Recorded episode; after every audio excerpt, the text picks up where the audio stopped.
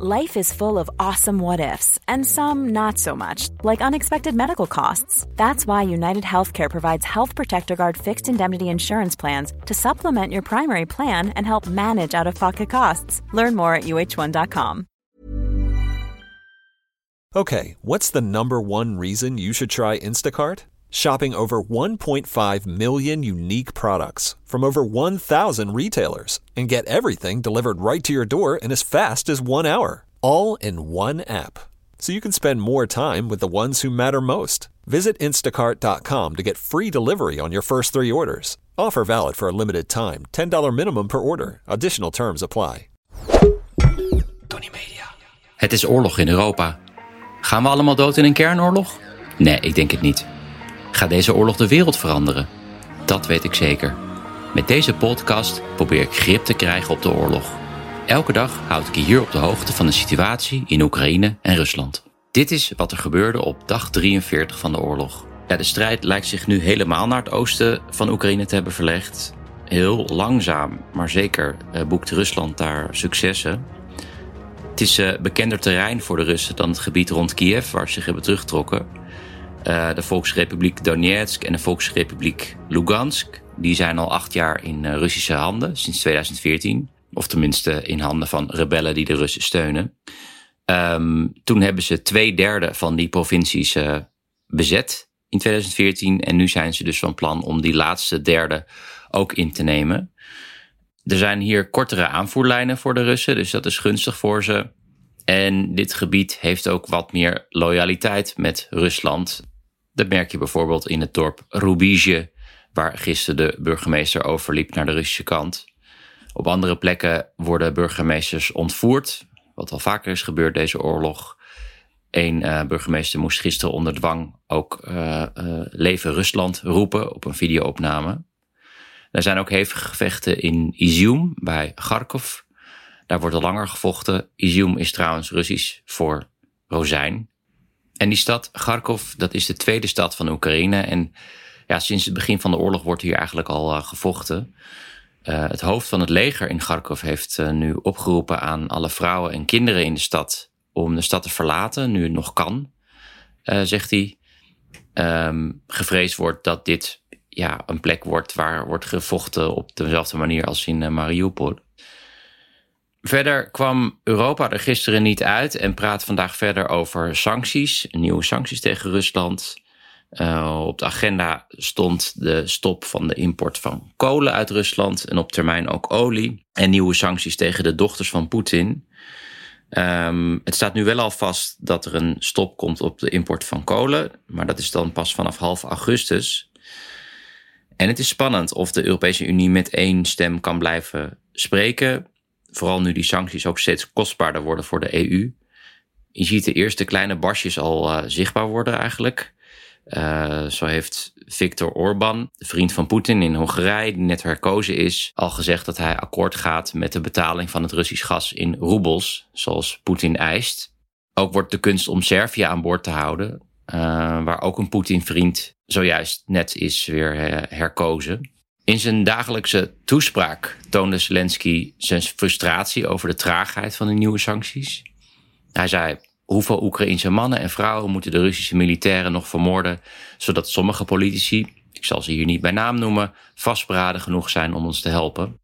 Ja, en sancties of niet, de olieproductie in Rusland is in de afgelopen maand uh, gezakt. Het is simpelweg ook te moeilijk om kopers voor een vat Oeralolie te vinden.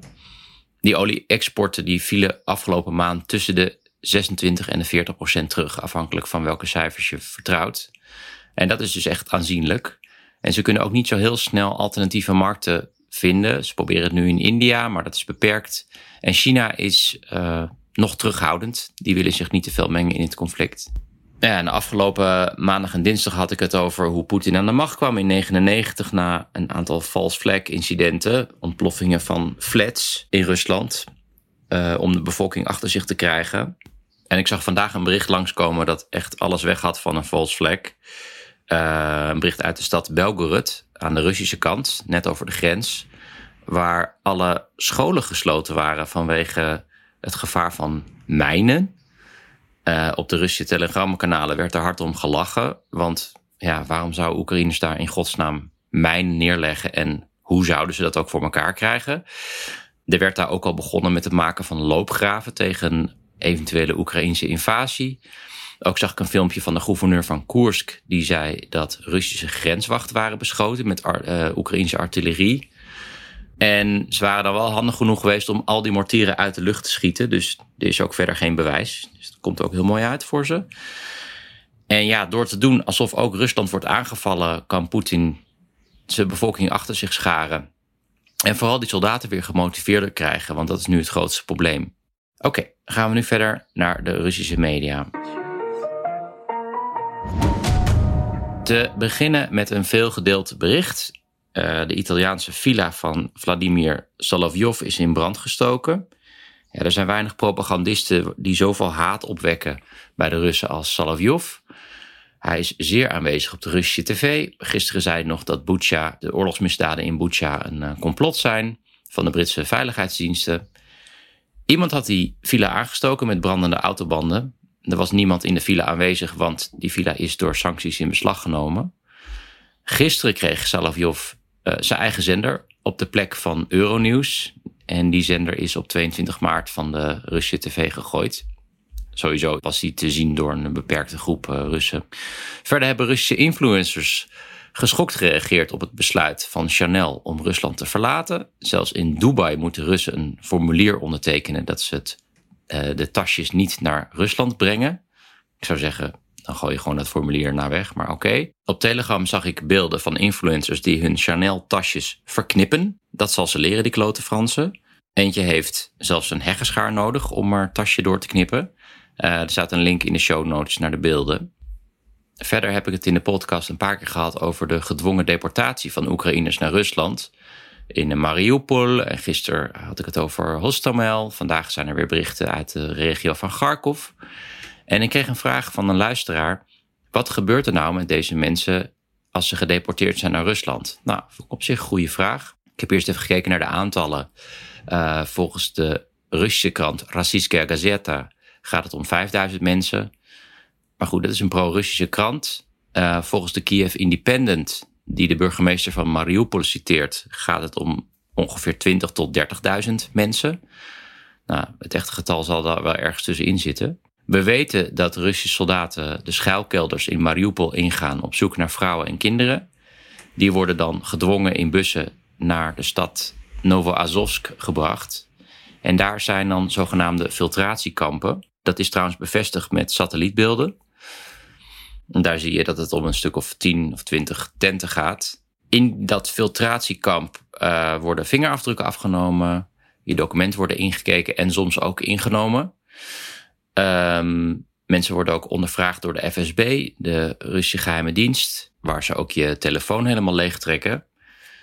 En de meeste van die vluchtelingen belanden daarna in de Russische stad Rostov. En vanuit daar worden ze verder gedeporteerd uh, in andere plekken in Rusland. Uiteraard willen sommigen graag weg uit Rusland, um, maar dat is soms lastig, want een aantal hebben hun paspoort dan uh, niet meer. En hoe dan ook is het gedwongen deporteren uh, geheel in strijd met de conventie van Genève. Ook hier hebben Russen ruime ervaring met dit soort kampen. In Tsjechische oorlog had je ook deze infiltratiekampen, waar de over omstandigheden overigens een stuk bruter waren. Oké, en dan nog dit.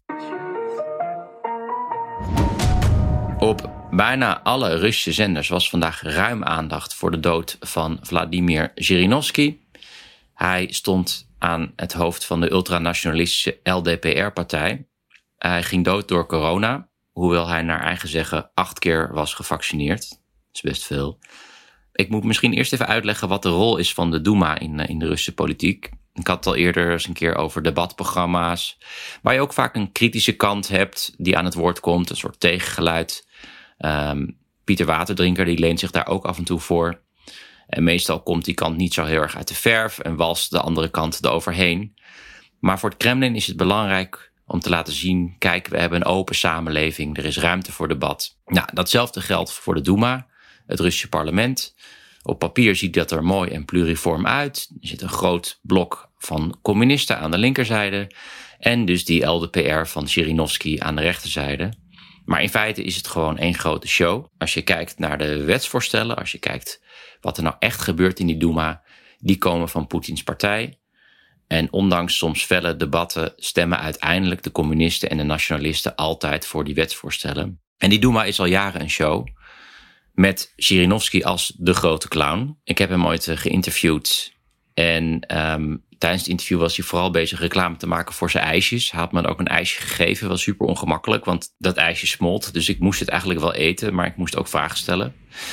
Nou goed, um, tijdens het interview was hij vooral bezig met een van zijn paradepaardjes, namelijk de invasie van Alaska.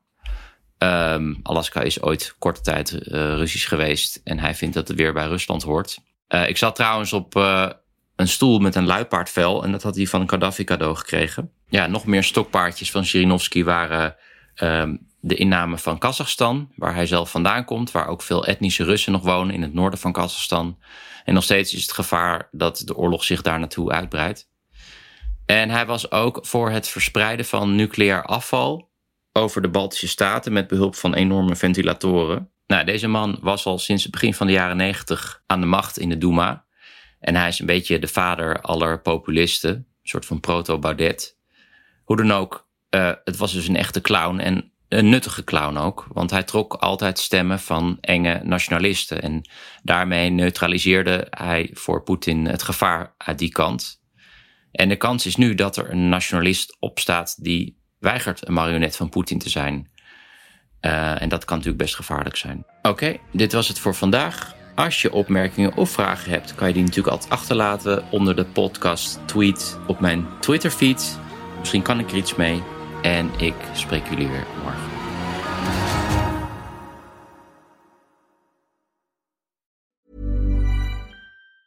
Planning for your next trip? Elevate your travel style with Quince. Quince has all the jet setting essentials you'll want for your next getaway, like European linen, premium luggage options, buttery soft Italian leather bags, and so much more. And is all priced at 50 to 80% less than similar brands. Plus, Quince only works with factories that use safe and ethical manufacturing practices. Pack your bags with high-quality essentials you'll be wearing for vacations to come with Quince. Go to quince.com/pack for free shipping and 365-day returns.